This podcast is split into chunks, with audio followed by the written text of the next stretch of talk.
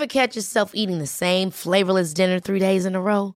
Dreaming of something better? Well, HelloFresh is your guilt-free dream come true, baby. It's me, Gigi Palmer. Let's wake up those taste buds with hot, juicy pecan-crusted chicken or garlic butter shrimp scampi. Mm. Hello Fresh. Stop dreaming of all the delicious possibilities and dig in at HelloFresh.com. Let's get this dinner party started.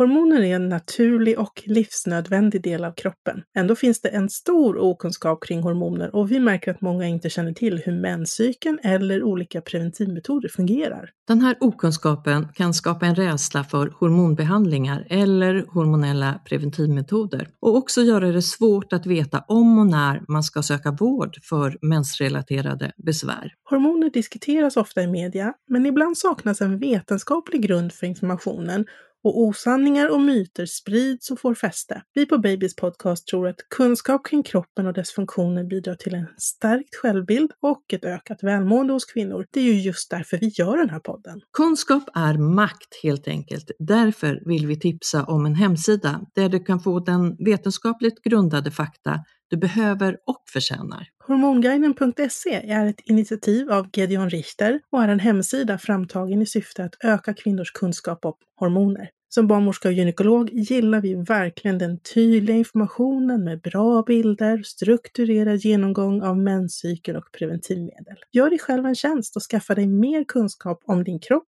och dina hormoner. Besök hormonguiden.se.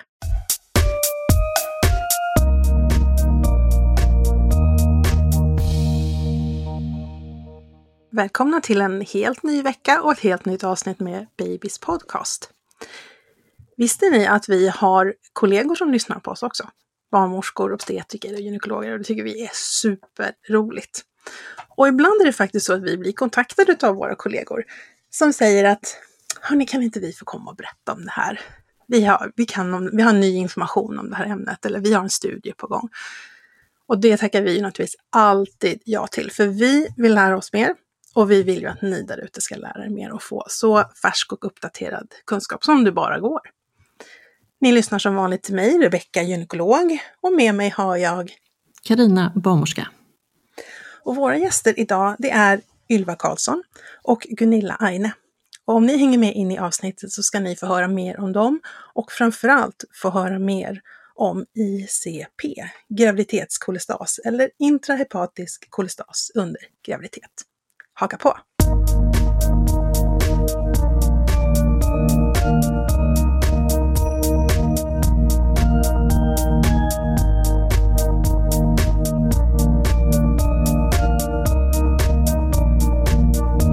Välkomna Ylva och Gunilla! Tack! Jätteroligt att ni eh, tog kontakt med oss och eh, att vi lyckades få till en inspelning. Det är trångt i studion idag. Det är roligt. Ska ni börja med att berätta vilka ni är, var ni jobbar och, och vilken del av det här med graviditet och förlossning som ni brinner lite extra för? Ja, absolut. Och så var det så roligt att vi fick komma in till er så snabbt efter att ni hade ert eh, första avsnitt om ICP, som vi säger. Men jag som pratar nu heter Gunilla Aine. Jag är förlossningsöverläkare i Stockholm på Karolinska sjukhuset och jag har ett specialintresse eller specialkunskap om kvinnor med kronisk sjukdom och graviditet och framförallt leversjukdom. Och då kommer ju det här med ICP in i den hörnan. Ehm, jag skulle också vilja berätta att eh, jag som är i Stockholm och sen Ylva som ni kommer att höra som är från Göteborg. Det är de två ställen i Sverige som har något som heter levercentrum. Och där samlar vi kunskap kring levern, men för alla patienter. Så det behöver inte bara vara gravida. Men där kommer vi också in som, som ett specialområde. Eller Mm. vad säger du Ylva? Lät det klokt? Det lät jättebra. Och jag heter alltså Ylva Karlsson och jag är förlossningsöverläkare i Göteborg. Och jag är det som kallas fostermedicinare, det vill säga att jag inriktar mig på fostrets sjukdomar i magen. Men är också involverad i de här kvinnorna med svår gall och leversjukdom. sedan ett antal år tillbaka och jobbar tillsammans med Gunilla. Någonting som jag tycker vi ska börja med, det är den här eh, lite förvirringen kring vad vi ska kalla det här för. För vi har ju haft ett avsnitt tidigare när vi kallar det för hepatos. För det hette det när jag gick i skolan för 600 år sedan. Eh, och sen, eh, men nu ska det kallas för ICP. Och varför, hur länge har det varit så att man har bytt namn och varför har man bytt namn? Och vad är skillnaden? Varför är det viktigt? Ja, men det är jättebra att du tar upp eh, den här frågan för att vi som jobbar med det här måste också hålla tungan rätt i mun. Eh, för att hepatos har varit den allmänna benämningen i flera decennier. Men hepatos är egentligen bara en beskrivning av att det är någonting som relaterar till levern, om man tänker på latinskt namn. Och då så var det så att internationellt så kom vi överens om att vi borde ha ett namn som mer beskriver vad det här är för något. Och då är då intrahepatisk kolestas under graviditet eller pregnancy, ICP, blev det som man kom överens om. Och på svenska kanske vi kan ställa då, eller säga graviditetskolestas. Det handlar om eh, stas av galla under graviditet. Ska man vara riktigt sådär eh, lingvistiskt nördig, som jag kan vara. Hepatos betyder egentligen att, man, att flera levrar, vilket vi inte har. Om man tänker på vad det betyder grammatiskt, så egentligen är det bra att man byter namn. Precis som bakteriell vaginos egentligen betyder flera vaginor med bakterier i. Det är också helt orimligt språkmässigt. Vad får man för symptom då när man har ICP? Eh, nej, men oftast så är det så att det börjar med eh, klåda i eh, händer och eh, fotsulor eh, och oftast värst nattetid.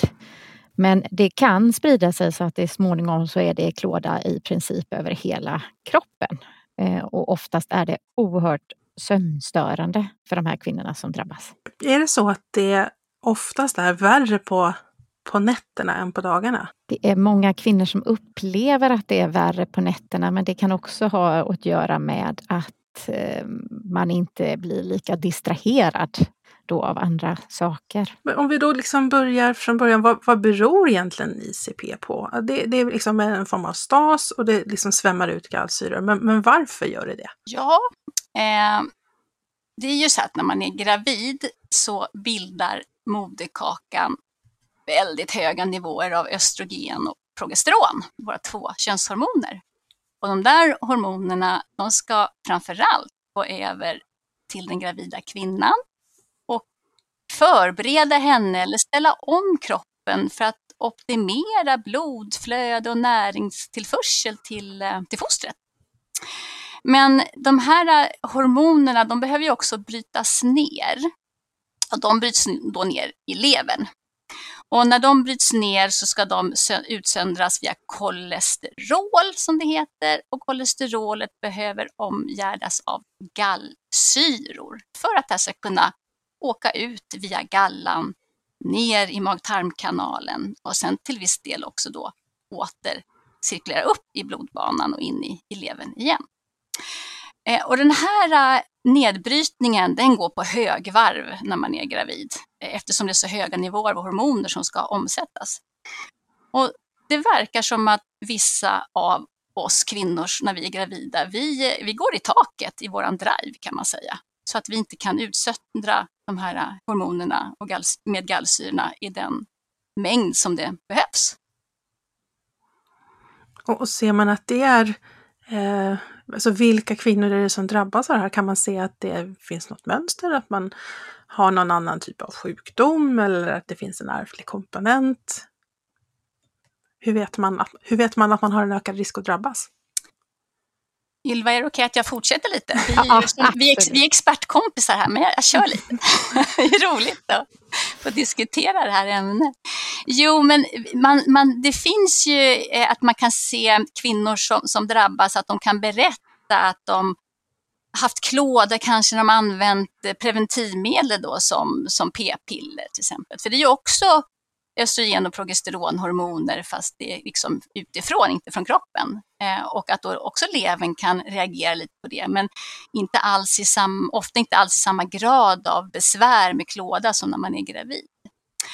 Eh, eller sen är det de som inte vet det alls eh, och bara får symptomen och får upptäcka det första gången de är gravida. Eller så finns det en ärftlig gång att man vet att eh, både på mamma och pappas sida så fanns det kvinnor som hade klåda när de var gravida. Och då kan man ju tänka sig att ja, då finns det väl någon möjlig ärftlig faktor här också.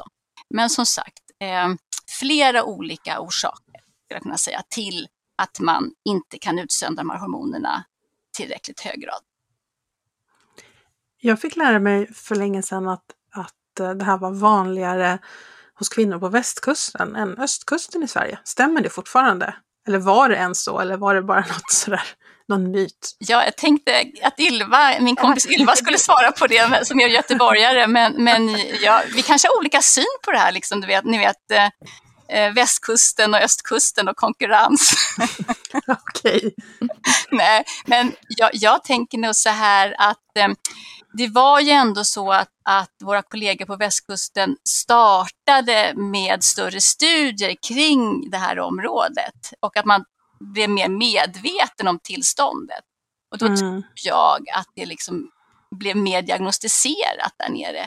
Idag kan vi inte se den liksom landsfördelningen, det skulle jag säga nej. Ja. Däremot ser man ju att det är skillnader över världen och att det är olika i olika befolkningar. Och det har ju att göra med precis det Gunilla har beskrivit, att det också har en genetisk komponent i hur man omsätter de här gallsyrorna. Men ser man att ICP, att det blir vanligare eller att det blir mindre vanligt över tid? Jag säger att, att um, det är ju som sagt lite olika i olika länder. Um, jag skulle ju säga att det ligger hyfsat stabilt i Sverige. Eh, möjligtvis lite neråt men det kan också bero på att vi faktiskt sätter igång förlossningar lite tidigare än vad vi gjorde förr och då kanske patienterna inte hinner utveckla det. Att man liksom hinner före debuten, symptomdebuten där. Mm. Mm. De gravida som, som har haft klåda under graviditet, man kan ha klåda av massa olika anledningar, men, men av er som lyssnar nu så känner ni säkert igen att ni har fått kolla ett blodprov som heter gallsyror. Och, och det här är, är det här liksom det enda sättet vi har att ställa diagnosen ICP eller är det något annat man tittar på också? Det, det är viktigt att poängtera att, att intrahepatisk kolestas det är ju en uteslutningsdiagnos. Det är viktigt att tänka på många andra alternativ först. Eh, och, och, det finns väldigt många andra det vi kallar differentialdiagnoser, alltså andra saker att titta på. Och det första vi doktorer gör det är ju bland annat att vi tittar på om patienterna har utslag till exempel. Det kan ju vara atopiskt eksem som orsakar klådan. Eh, det kan vara det som förr kallades PUP, eh, polymorph eruption of pregnancy som är ett, ett, eh, utslag som man oftast får under graviditeten som exempel.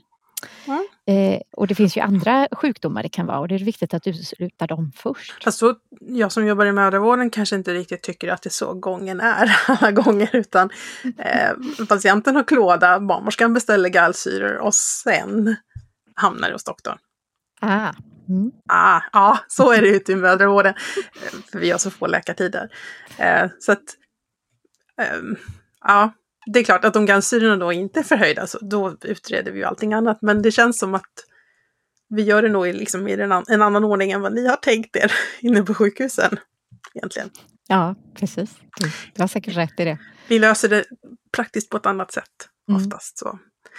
Um, men det här med gallsyror, när man ska ta det blodprovet, det kan ju ibland vara lite krångligt tycker många för att eh, instruktionen har i alla fall varit så tydlig att man ska ta det på fastande mage och alla labb kan inte ta det alla dagar i veckan. Um, är det fortfarande så att det är fastande som, som gäller för det provet? Eh, man kan säga så här, när vi jobbar med det här internationellt och med de andra grupperna som forskar på det här så är de flesta studier gjorda på icke fastande prov. Eh, men vi var lite nitiska i Sverige tror jag, när vi mm. det. Så då sa nu ska man vara fastande. Det var väl göteborgarna som började. Absolut. De är sådana på det, västkusten. just, och så har det hängt med. Men om man tittar på studier hur mycket gallsyravärdet skiljer sig på fastande och då brukar man prata om liksom Eh, över natten fastande eller icke fastande så är det bara fem enheter i snitt. Och det är inte särskilt mycket om man tänker sig 10 eller 15 enheter i gallsyra och, och för så.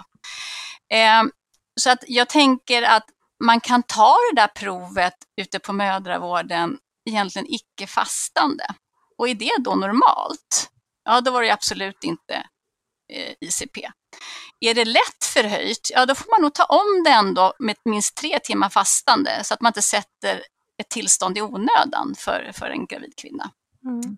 Men är det mot där liksom rejält förhöjt upp mot 40-50, ja då är det ICP, och även om det inte var en fastande prov.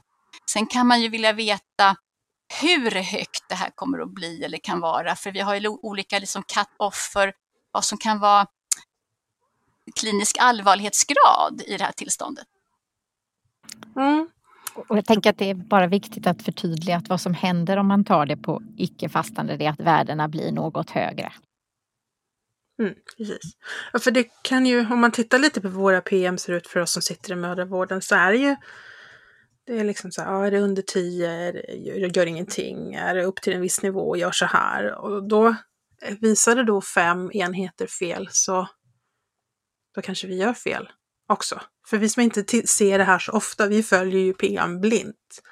För att vi är så rädda att, att göra något fel. Liksom. Jag tänker ändå att eh, man med tre timmars fasta hamnar på en bra nivå. Mm. Ja, och tre är kanske bättre än åtta. Eller tolv. Eller ja. något annat. Så, ja.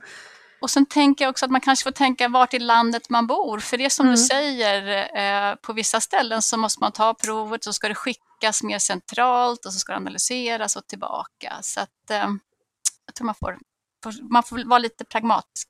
Mm. Men eh, är det så att eh, nivån på gallsyr liksom korrelerar till hur pass besvärlig klådan är? Finns det en koppling däremellan? Nej, det finns faktiskt inte någon eh, säker tydlig koppling till eh, gallsyrenivån och klådan. Eh, vilket gör det hela lite svårt och, och även svårt för oss som jobbar med det. För det tycker jag är ganska vanligt på mödravården att eh, någon som har klåda så, så tar man prov så har man nästan förväntat sig ett helt annat svar för att det var så diskret eller det var så extremt mycket klåda. Och vad, vad, är viktigast att, att, titta på när det gäller liksom allvarlighetsgrad? Eh, är det då gallsyrenivå eller är det symptom, klåda? Vad är det som avgör hur man ska handlägga och vad prognosen är och så vidare? Det där är en pedagogisk utmaning och vi måste ju försöka vara lite duktiga här. Eh, vi får ändå vara tydliga med att säga att, att nivå av gallsyror kommer aldrig att korrelera till din upplevda grad av klåda. Och klådan i sig är liksom inte farlig, eh, men den kan ju vara väldigt, väldigt besvärlig. Eh, däremot så ser vi ju nu när vi får all mer och mer data och vi lägger ihop data från olika länder att det finns en korrelation med nivå av gallsyra och eh, risk för påverkan för barnet.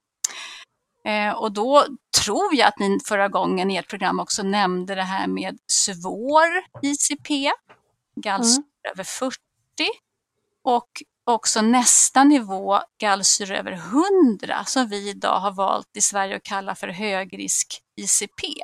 Och det är där vi har risken för barnet, inte i de lägre nivåerna.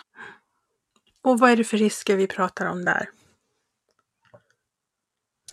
Eh, och då är det den risken som man framförallt studerar som är liksom ändå den hårda utfallet, det är att det finns en viss ökad risk för eh, fosterdöd i magen. Mm. Eh, och den är korrelerad då till gallsyror över 100 och i sen graviditet, egentligen efter vecka 36. Och den själva riskökningen eller i procent är 3,5 procent efter vecka 36. Och då ska man ju veta också att det finns förstås en bakgrundsrisk för det här svåra utfallet för alla gravida som ligger under en halv procent i Sverige för alla tillstånd under en graviditet. Mm. Så från under en halv till tre och en halv? Ja, Ja. Men, men har man under 100 gallsyror så ser vi inte den riskökningen alls, utan då ligger man som alla andra som bakgrundsgravida populationen. Och det är väl viktigt då tänker jag att också tillägga att det är över 100 någon gång under graviditeten. Vilket gör att har man någon gång legat över 100 så kommer vi handlägga den graviditeten på ett speciellt sätt. Även om det senare skulle sjunka. Säg att det ligger på 100 i vecka 33. Men att det i vecka 36 ligger på 50. Då är, det liksom, då är man fortfarande i den här höga, eller mycket högre riskgruppen. Precis, och det är det som är lite problematiskt för oss, att vi kan inte se att risken sjunker även om själva gallsyrenivån sjunker senare i graviditeten. Eh, och det handlar nog också mycket om hur vi har tittat på datan tillsammans internationellt, att man får nog ha respekt för den data vi har och att vi kan inte säga att risken minskar även om gallsyrorna skulle minska efter några veckor. Finns det några andra risker för fostret? Utöver risken att, så att dö i livmodern, finns det något annat påverkan på tillväxt eller påverkan på, har man tittat på barnen efteråt och deras språkutveckling eller motoriska utveckling och sådana saker? Ja, man har sett i studier att det finns en ökad risk för att barnet bajsar i fostervattnet i samband med förlossningen. Och anledningen till det är, det vet man inte. Men, men att barnet gör det eh, har man liksom kopplat till att de är lite mer stressade och att de då har en något ökad risk för att, att eh, drabbas av syrebrist under förlossningen. Så därför rekommenderar vi alltid extra noggrann övervakning under förlossningen. Eh, Det är det vi säger att vi vill ha på CTG närmast kontinuerligt, alltså hela tiden i samband med förlossningens slutskede. För att man tänker att det här barnet är känsligare för, för verkarbetet då, eller? Precis, att det finns Mm. en, en ökad grad av känslighet hos det här barnet. Men innan man kommer så långt som till förlossning, gör man någon annan eh, övervakning av barnet? Gör man eh, extra ultraljud till exempel? Eller? Ja, de här mammorna, de har, eh, man har sett i studier att de har ungefär tre gånger ökad risk att drabbas av graviditetsdiabetes. Eh, vilket ju i sig kan påverka barnet. Eh, de har också ökad risk för att drabbas av preeklampsi, alltså havandeskapsförgiftning, vilket gör att mamman övervakas extra noggrant. Eh, sen är det faktiskt så att, att eh, eh, eh, ha, drabbas man av havandeskapsförgiftning så, så brukar man ju oftast titta eh, på, på barnet och se så att det växer som det ska. Det är oftast inte problemet hos de här eh, kvinnorna dock, utan ibland kan barnen faktiskt bli lite större än vanligt när man har ICP. Ja, det har jag också läst. Och vad beror det på? Är det så att gallsyrorna på något sätt går över moderkakan och påverkar tillväxten? Ja. Eller? Jag tror att, vi vet ju inte exakt, men jag tror att man kan tänka sig att det här med ICP är mer ett metabolt tillstånd till motsatt mot havandeskapsförgiftning som är mera hjärt-kärltillstånd. Mm. Och att det på något sätt ändå kan eh, påverka bukspottkörteln som är den som då ska öka sitt insulinproduktion under graviditeten. Och det här med ICP och gallsyra, kolesterol och fettomsättning, att det är där någonstans det ligger någon form av koppling eh, möjligtvis. Och då koppling också till graviditetsdiabetes. Mm. Och det finns faktiskt studier där man har tittat på ett, ett långtidsutfall, alltså tittat på barnen till kvinnor med ICP och sett att när de här växer upp så har de ett något högre BMI jämfört med en kontrollgrupp. Vilket talar för precis det som Gunilla säger. Precis, att det, det här är en metabol, ett metabolt tillstånd. Liksom. Mm. Mm. Precis. Mm. Men om man, om man tänker sig då att, ehm, att jag är gravid, jag har klåda, jag har tagit gallsyror via mödravården och de är förhöjda. Vi kan ta ett exempel och säga att det ligger på 30 så att jag är inte den här eh, inte den här riskgruppen över 40 då, men jag har klåda så jag håller på att riva sönder mig. Vad finns det för behandling? Ja, här är det svårt att vara doktor, Rebecka. Det är alltid svårt att vara doktor. nej, det där sista sa jag inte. Ja, nej, men, ja. nej, men om, om sanningen ska fram så har vi ingen bra behandling för klådan. Mm. Eh, och det som då är provat i studier, om man ska tänka sig rent så här, vad, vad visar studier, så är det det som heter ursodioxykolsyra. Jag tror att ni, kall, ni sa ursofalk i ert program, men det är mm. ju liksom produktnamn då, men vi kan säga så. Och då har det visat sig jämfört med placebo att det sänker klådupplevelsen något. Men om man tittar på andra sådana studier så skulle man kunna säga att den sänkningen är nästan inte så att vi att den är klinisk signifikans. Så på en 100-gradig skala så sänktes det sex enheter. Liksom. Så då undrar man, säger vi rätt när vi säger att men vi kan behandla dig med Falk och så kanske klådan blir bättre? Jag brukar försöka vara ganska öppen om att vi inte vet om det är tillräckligt effekt, men det är inte heller farligt att prova. Så kan man säga. Mm. Men om man har gallsyra 30, då kanske jag skulle börja ändå med liksom ändå mjukgörande, klådstillande kräm och hjälp med sömnen, ett första steg. Mm. Det finns ju läkemedel som är klådstillande men som man också blir väldigt trött av så att man kan ta det till natten och på något sätt sova igenom klådan, att man inte ligger och river sig. Mm. Om man som lyssnare är intresserad så kan man googla Göteborgs-Posten ICP och Hanna så kommer man få upp en jättefin artikel om patienten Hanna som hade ICP, jättesvår ICP med båda med sina barn. Då hon beskriver alla de åtgärderna hon gjorde, inklusive att hon stod och duschade på nätterna för att det var så, mm. kliade så förfärligt.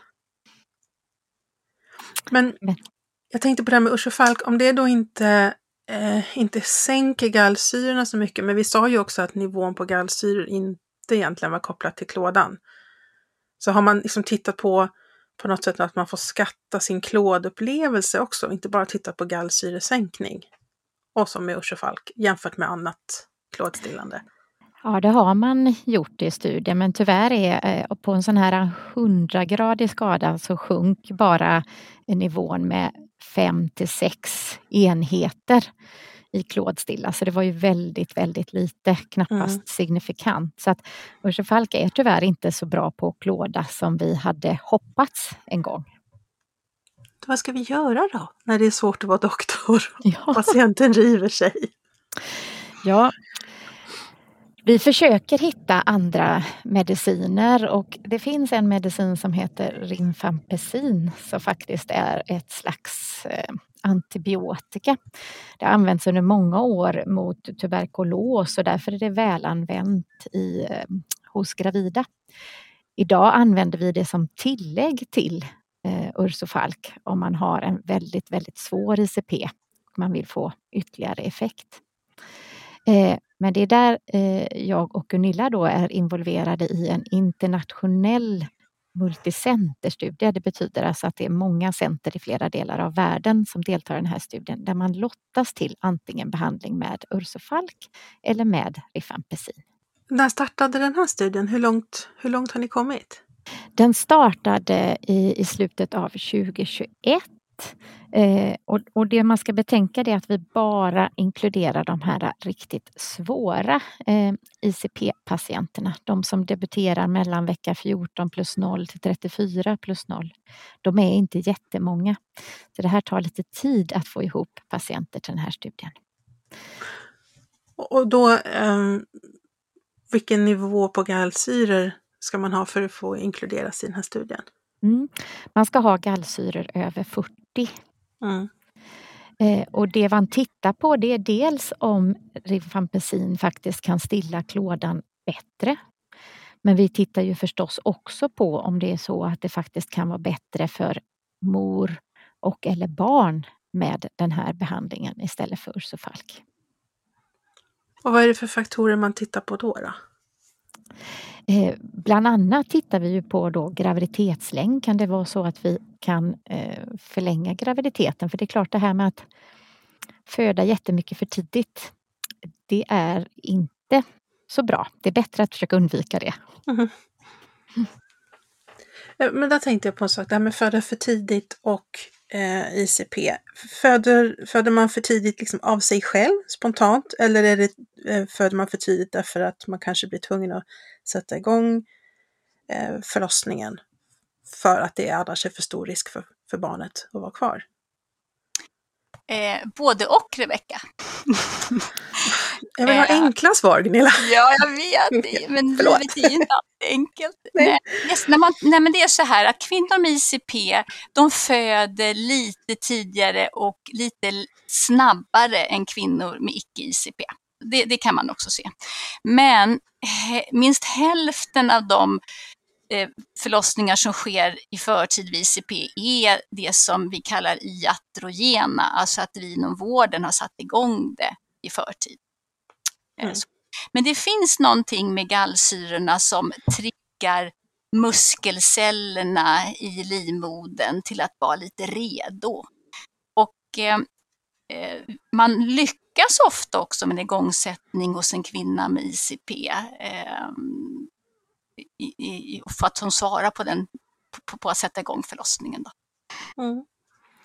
Eh, nu nördar jag in mig sådär extremt så nu får Karina hejda mig om jag blir för jobbig. Men, men nu började jag tänka på det här med kallsyror och kolesterol och eh, igångsättning. Därför att man vet om kvinnor som har eh, obesitas och höga kolesterolnivåer, att de också kan ha en mer receptiv Eh, alltså att livmodern svarar bättre på oxytocin. Har man kollat på någon sån koppling här också? Ja, men det, här, alltså det här är jättespännande för att det, det finns ändå rapporter om, om man tänker nivå av gallsyror, att de är, kan ligga förhöjda för personer som snabbt går ner i vikt. Eh, så att det här med fettomsättning och höga gallsyror, man måste inte absolut ta klåda då, och det kan också vara helt, och det här är inte bara relation till graviditet utan generellt då så att säga. Eh, då skulle man kunna fundera med det vi pratar om med, med, eh, med obesitas och omsätter sitt kolesterol och sådär. Ja, det är en härlig tanke, men jag vet inte. Nästa forskningsprojekt. ja.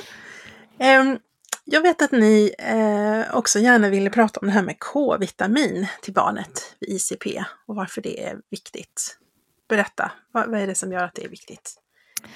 Ja, alltså K-vitamin bildas ju i tarmen med hjälp av bakterierna i tarmen som man har. Och när, man, när det här kretsloppet då störts med gallsyrorna så kan också upptaget av, eh, och, och, och bildandet av K-vitamin störas. K-vitamin behövs för att levra blodet, att vi ska kunna levra blodet på ett normalt sätt. Det gör att har man haft eh, en, en svår eh, ICP under en längre tid, mer än fyra veckor brukar man säga, så rekommenderar vi absolut att man ska ge mamman K-vitamin inför förlossningen. Det finns vissa studier som tyder på att man kan blöda lite extra om man har haft långvarig ICP. Det finns också andra studier som talar emot det. Eh, men vi är lite extra på tårna på grund av detta. Och det gör också att barn när de föds har ju oftast lite lägre nivåer av K-vitamin naturligt därför att de har ju inga bakterier, de har inte hunnit få några bakterier i sin tarm. Och det gör ju att vi vill ge barn K-vitamin när de föds för att minska risken för framförallt hjärnblödning hos dem. Och har då mamman en svår ICP och haft den under längre tid så kan K-vitamin nivån påverkas hos mamman och då kan det påverkas hos barnet. Så därför är vi lite extra på tårna till att vi vill att eh, både ibland både mamman och sen när barnet föds att de båda får extra K-vitamin. Mm. Eh, och nu snurrar jag tillbaks till det här som vi pratade om nyss, om de som går ner väldigt snabbt i vikt och, och gallsyror. Eh, nu är jag tillbaks till de här med obesitas som har gjort eh, gastric bypass. De har väldigt ofta K-vitaminbrist, de mammorna.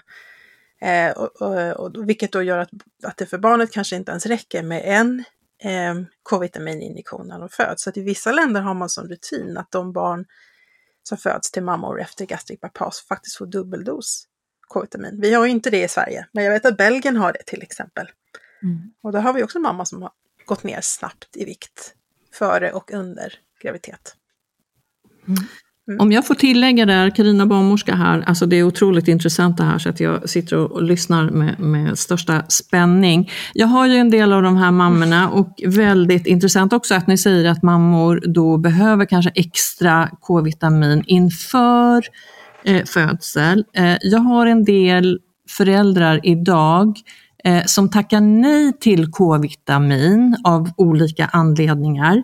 Eh, I det här fallet så, så säger ni ju båda Ylva och Gunilla och eh, Rebecka dessutom att det, det är ännu viktigare än vad det är i vanliga fall, om man får uttrycka det så, att barnet får sitt K-vitamin. Och där skulle jag vilja då relatera till ett tidigare poddavsnitt som vi har med, med barnläkare och neonatolog Kajsa Kaiser som beskriver det här med K-vitamin och vikten av att ge det till barn. Och och också superviktigt att ni trycker på det, varför och hur och när vi ska ge det. Att vi kan ge det injektion och peroralt, alltså att man kan få droppar också. Eh, men där att föräldrar gör ett informerat val och samtycker, det är ju superviktigt. Jag skulle dessutom vilja tillägga det här, vi pratade om att eh, av någon anledning så kan man se att barn mer ofta bajsar i fostervattnet till de här mammorna då som, som har ICP. Eh, och det, vi kallar ju det mekoniumfärgat fostervatten. Eh, och det är ju ändå så att de här barnen de observeras ju i alla fall under det första dygnet och kanske längre med kontroller. Så ni som lyssnar där ute, vi har ju extra kontroll på de här barnen för att just se att de inte drabbas av någon infektion. Eh, av någon anledning så bajsar man, det blir det här eh, grönbruna fostervattnet och vi har mer kontroll på barnen efter, efter, alltså i postpartumtiden. Mm. Jättebra Karina. Jag vill bara tillägga också att som vi sa innan så är ju mammans upptag i tarmen oftast stört då och det gör det att när vi ger K-vitamin till mamman så vill vi ge injektion därför att vi, det är risk att peroralt tas det inte upp. Vi följer också mamman med prover där vi tittar just på, på förmågan att levra blodet. Och där ser man ibland att eh, påverkan blir tydlig och att vi kan styra då hur mycket K-vitamin vi ger på basis av det. Och nu när jag pratade om K-vitamin eh, eh i droppform, det var ju då såklart till barnet att där kan man välja. Vi vet att injektion till barnet är mer effektivt men droppar finns som ett alternativ. Jag tänkte om jag också fick tillägga att det som Ylva pratar om när man behöver ge K-vitamin till mamman och den gravida kvinnan så handlar det oftast om våra svåra eller framförallt högrisk ICP situationer. Så det är inte alls så att majoriteten av kvinnor med ECP får K-vitamin som gravida, utan det är ju minoriteten som behöver det. För ICP i sig ger ju inte egentligen någon svår leverpåverkan. Eh, men där handlar ju om hur man tar upp just K-vitaminet.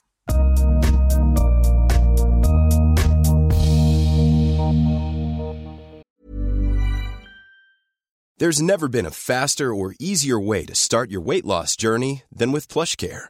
PlushCare accepts most insurance plans and gives you online access to board-certified physicians who can prescribe FDA-approved weight loss medications like Wigovi and Zepbound for those who qualify.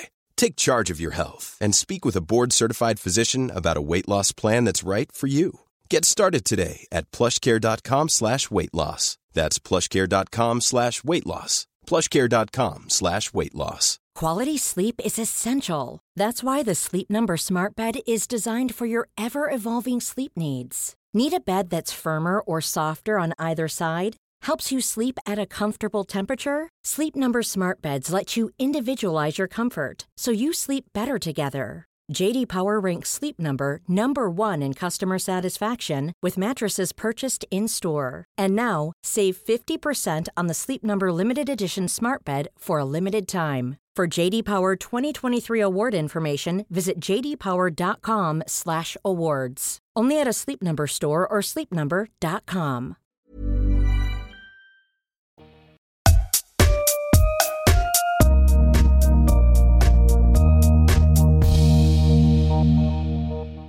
Vi har fått en del frågor från våra lyssnare, både efter förra avsnittet men också när vi flaggade för att vi skulle spela in det här.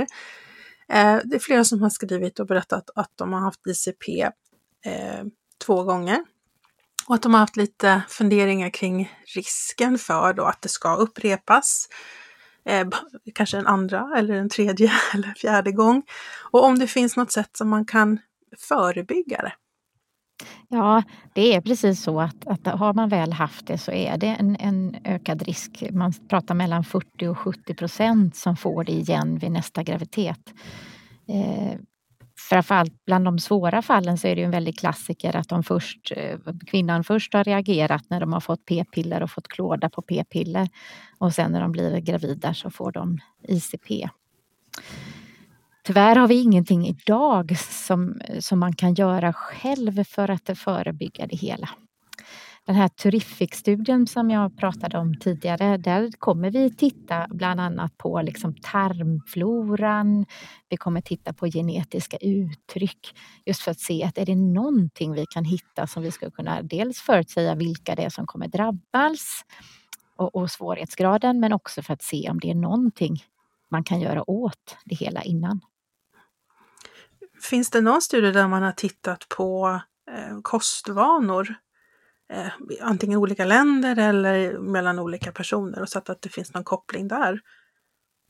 Jag skulle just eh, lägga till det att i Terrific-studien finns det också då kostdagbok som ska göras.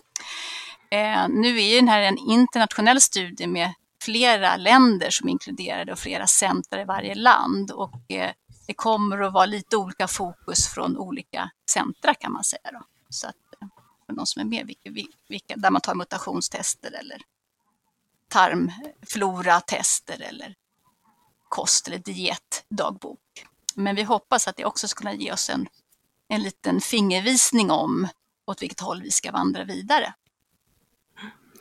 Men kan det finnas några tydliga triggers? Kyla, värme eller annat? Jag tror man måste eh, generellt som, som med klåda i övrigt vid andra leversjukdomar så att både jag och Ylva lär oss ju av leverspecialisterna då i Stockholm och Göteborg, de som kallas hepatologer. Och, eh, man kan säga att, att värme generellt förvärrar ju hela situationen men det är inte något som triggar igång ICP i sig.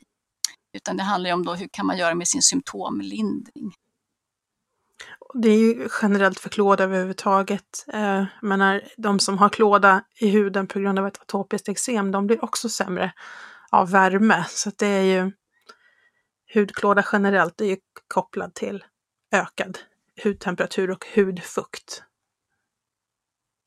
Ja, och man ser ju en, en, en säsongsvariation när det gäller insjuknandet av insjuknandet i ICP. Men det ses också för andra leversjukdomar som till exempel det som kallas primär biliär cirros. Så vad det beror på, det vet vi inte. Och, och när på vilken säsong är det vanligast? Det är mer insjuknade på vinterhalvåret. Och då blir kostrådgivarens omedelbara motfråga, har det med D-vitamin att göra? Ja, nej, det har man faktiskt inte kunnat visa att nej. det har med D-vitamin att göra. Man har, försökt, man har faktiskt alltid. studerat det men, men inte hittat det. Ja, ja, vad bra försök. Ja. Mm. Det är ett mm. jättebra försök därför vi har lite högre incidens här i de skandinaviska länderna jämfört med till exempel Australien som man då tänker sig ha lite mer sol än vad vi har. Men tyvärr har man inte kunnat visa då som sagt på, på att D-vitamin är skillnad. Finns det någon annan, förutom den här Terrific-studien som pågår, finns det något, något annat eh, forskningsområde liksom kring ICP eller angränsande tillstånd eh, som pågår samtidigt? Eller är det den här som alla liksom har samlats kring just nu? Nej, det pågår faktiskt ganska mycket. Eh, jag kan nämna att det finns ett europeiskt nätverk då av där det framförallt är leverspecialister eh, men även eh, obstetriker då, där då både Göteborg och Karolinska är med. Och inom det här europeiska nätverket så pågår mycket forskning kring eh, leversjukdomar i sig, ICP och graviditet. Mm. Och det pågår även ifrån läkemedelsbolag att man tänker att man ska kunna framkalla det är väldigt modernt idag med något som heter precisionsmedicin, att man verkligen kan precisera en väldigt specifik behandling. Att man ska kunna ta fram så att återupptaget av gallsyra ifrån tarmarna skulle stoppas. Det låter ju helt logiskt, vad bra tänker man, då kommer ju inte gallsyrorna upp i cirkulationen över till barnet igen. Men, men eh, det är verkligen på, på ett startstadium och man försökte att dra igång en studie men, men det, det, det, man måste avvakta lite. Men det kanske kommer för, för framtiden. Det är i alla fall kul att höra att det ändå pågår och händer något. Så. Ja, och det här är ju oftast så ovanliga tillstånd så vi behöver ta hjälp av varandra eh, för att mm. få ihop eh, tillräckligt mycket patienter och kunna se de mönster som finns där. Terrific då, den, den leds från Australien och där ingår då både England, Nederländerna, Finland och Sverige. Mm. Jag har funderat på en situation som jag ibland hamnar i när jag jobbar i mödravården och det är att eh, barnmorskan har skrivit in en gravid och sätter upp en läkartid.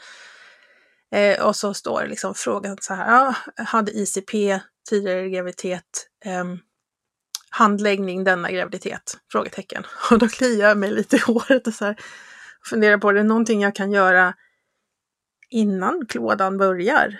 Eh, ska jag ta gallsyror redan innan hon får klåda och i så fall vilken graviditetsvecka? Hur ska jag du göra? Du kan börja med att sluta och klia dig i hårbotten. Men det, det kliar när det blir varmt, Gunilla.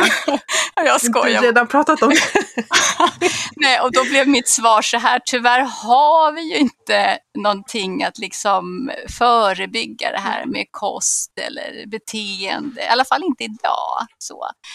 Eh, utan jag brukar säga till de kvinnor som jag träffar att när du känner att den här klassiska klådan kommer, för det är ju hög risk att den kommer, då ringer du oss och så får vi hjälpas åt. Mm. Ja, det är så jag har gjort. Men jag tänkte så här, jag kanske har missat något. Jag kanske ja. borde ha tagit gallsyror på alla i vecka 24, klåda eller inte. Men då känns det skönt att du har inte gjort bort mig fullständigt i alla fall. Nej, och man kan ändå ge hopp till kvinnorna för det, det behöver inte alltid vara så.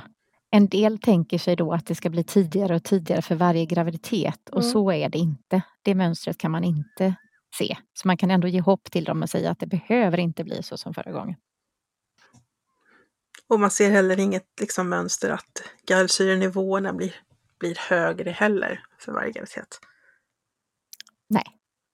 Nej. absolut inte. Och det har nog också med liksom moderkakans anläggning och storlek och hormonproduktion att göra. Och den, den varierar från graviditet till graviditet. Eh, så.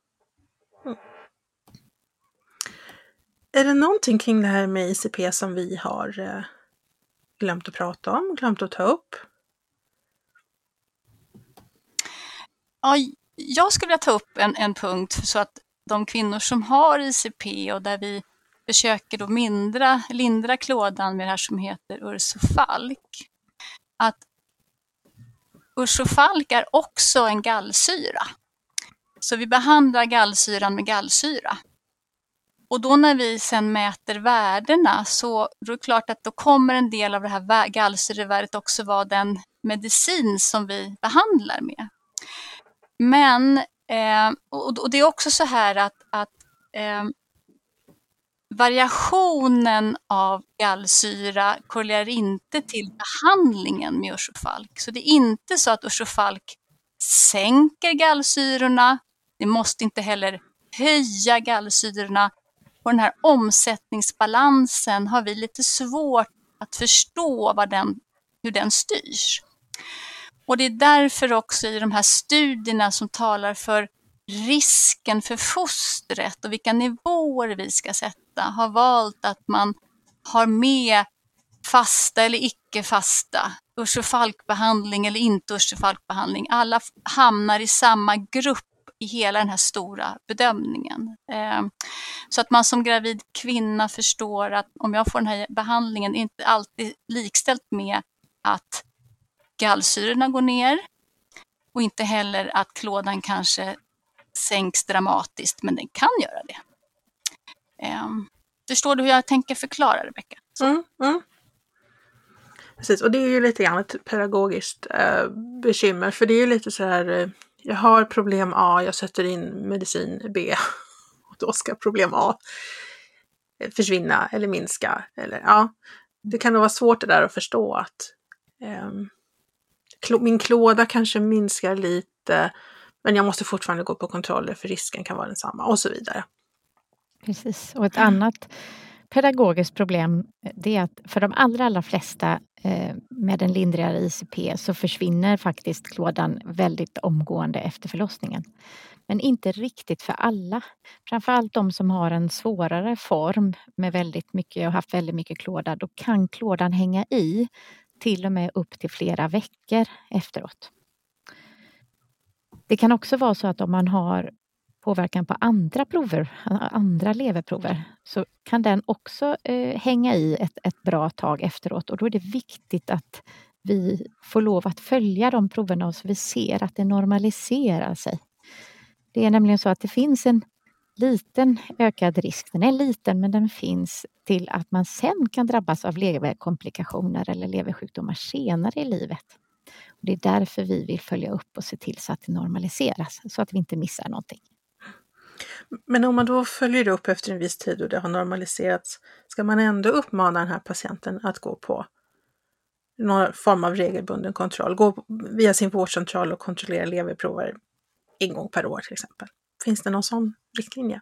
Idag så ser vi på det så här att den kvinna som ändå blir helt återställd hade inte så svår leverpåverkan av den här graviditeten. Så jag brukar inte rekommendera att man måste gå på regelbundna kontroller så som kanske vi gör vid graviditetsdiabetes och havandeskapsförgiftning mm. för att kontrollera blodtrycket. Däremot så behöver vi också vara ärliga med det vi vet då, att det finns en koppling till att kunna utveckla någon form av leversjukdom, gallsten eller en annan leversjukdom senare i livet. Och det har nog med den här äh, individens benägenhet att kunna sätt, omsätta hormonerna, om det nu är genetiskt ärvt eller att det är, har en annan så att säga, transport transportdefekt som går i taket när man är gravid, men inte gör det när man inte är gravid. Men i långa loppet så finns det en koppling till annan gall och leversjukdom. Då brukar jag säga att om man märker att man får klåda lite senare eller får någon gallstenskänsla, att man går och kontrollerar sig då när man får symptom. Mm vad du säger Ylva. Ja, jag håller helt med. Och kanske instruera patienten att ehm, eh, också tala om, om man söker på vårdcentralen, också tala om att det här, det här har jag haft under min graviditet. Eh, för det är inte säkert att man på vårdcentralen liksom ser det i journalen att det här har funnits tidigare. Att man på något sätt hjälper vårdcentralen lite på traven och, ja. och riktar sin blick åt rätt håll. Ja, och där tror jag att vi som vårdpersonal faktiskt kan bli bättre att vara tydliga med patienten att det här, den här informationen behöver du komma ihåg och ha med dig inför framtida vårdbesök, att det är viktigt. Och jag tänker också att, jag tror att ni nämnde det Rebecka förra gången, att det här med att vara gravid, det är liksom som en form av stresstest mm. för kroppen. Liksom.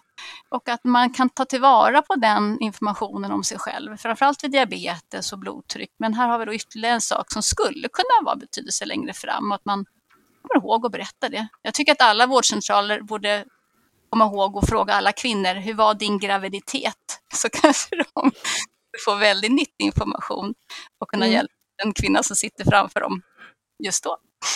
Ja, men det tror jag. Det tror jag också. För just det där med eh, att graviditeten är ett stresstest för kroppen. Ni som har hört den här podden förut vet att jag säger det ganska ofta. Eh, när jag föreläser på barnmorskeutbildningen så inleder jag också vissa föreläsningar med det. För att det är verkligen så att man kan få en liten ledtråd kring vad man eventuellt har en risk att drabbas av senare i livet.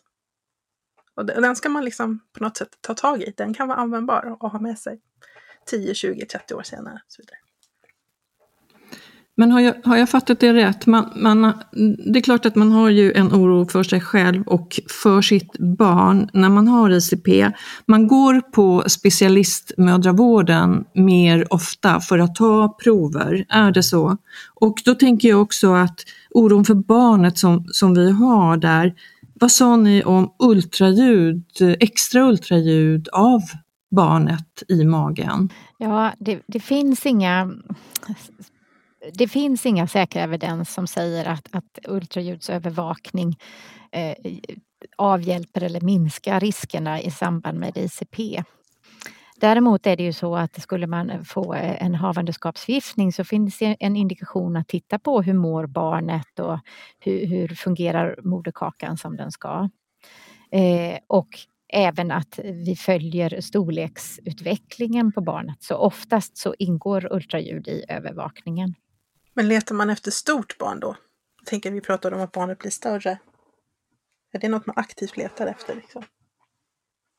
Jag skulle säga att det ser nog lite olika ut i olika regioner, så vart ni bor i landet, vilken rekommendation ni kommer att få. Mm. Men, eh, men vi rekommenderar i alla fall ett ultraljud med tanke på kopplingen till GDM, men även till preeklampsi.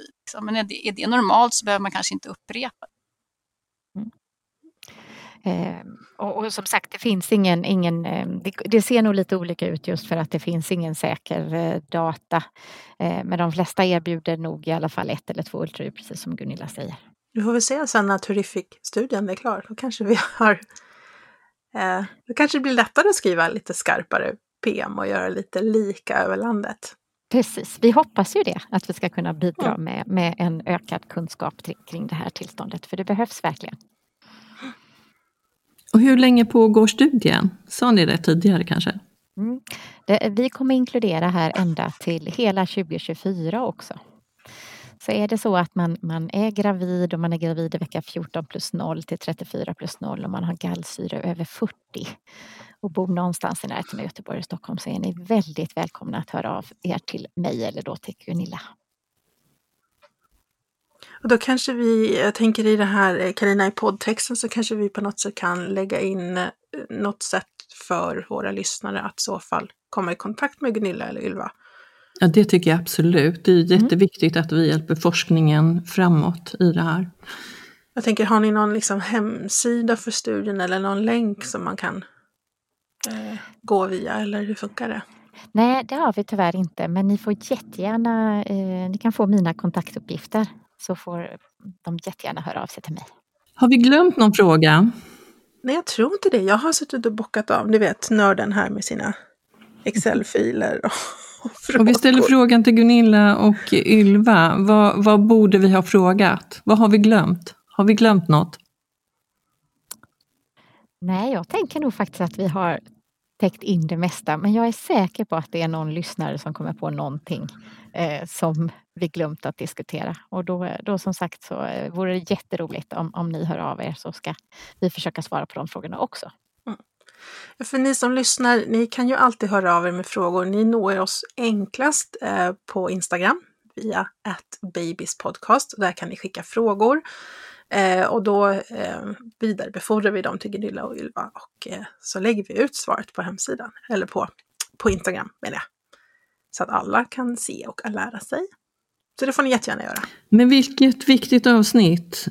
Rebecka, Gunilla och Ylva. Det här eh, som jag sagt förut, den här lite mystiska sjukdomen. Tack så hemskt mycket att vi fick vara med. Det har varit väldigt roligt att vara med i den här jättefina podden som ni två har. Jag kan bara, bara instämma och det är så härligt att få dela med sig av kunskap. Delar vi med oss så, så ökar kunskapen. Så tack för det. Mm. Och tack ska ni ha, Gunilla Aine och Ylva Karlsson, våra specialister, våra proffs på det här och, och mycket annat. Ni finns i Stockholm och Göteborg och bidrar med eh, ja, den här kunskapen och mycket annat också. Och vi ser fram emot att få era frågor som Gunilla och Ylva som sagt kommer att svara på. Men i dagens avsnitt så har det ju handlat om eh, ja, hepatos som vi kallar det, men hellre ICP. Eh, om orsaker, symptom, riskfaktorer, utredning, behandling. Ja, vi har nog täckt in det mesta hoppas jag med dessa proffs. Tack igen Gunilla och Ylva. Och du också Rebecka. Tack snälla för ett eh, bra och spännande och superviktigt avsnitt. Ha det så gott där ute! Ha det så gott där ute. Vi är snart tillbaks. Ta väl hand om er så länge.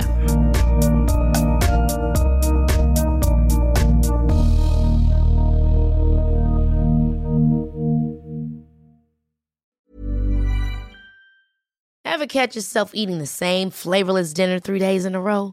Dreaming of something better? Well, HelloFresh is your guilt-free dream come true, baby. It's me, Gigi Palmer. Let's wake up those taste buds with hot, juicy pecan-crusted chicken or garlic butter shrimp scampi. Mm. Hello Fresh. Stop dreaming of all the delicious possibilities and dig in at HelloFresh.com. Let's get this dinner party started. Planning for your next trip? Elevate your travel style with Quince. Quince has all the jet setting essentials you'll want for your next getaway, like European linen, premium luggage options, buttery soft Italian leather bags, and so much more. And is all priced at 50 to 80% less than similar brands. Plus, Quince only works with factories that use safe and ethical manufacturing practices. Pack your bags with high-quality essentials you'll be wearing for vacations to come with Quince. Go to quince.com slash pack for free shipping and 365-day returns.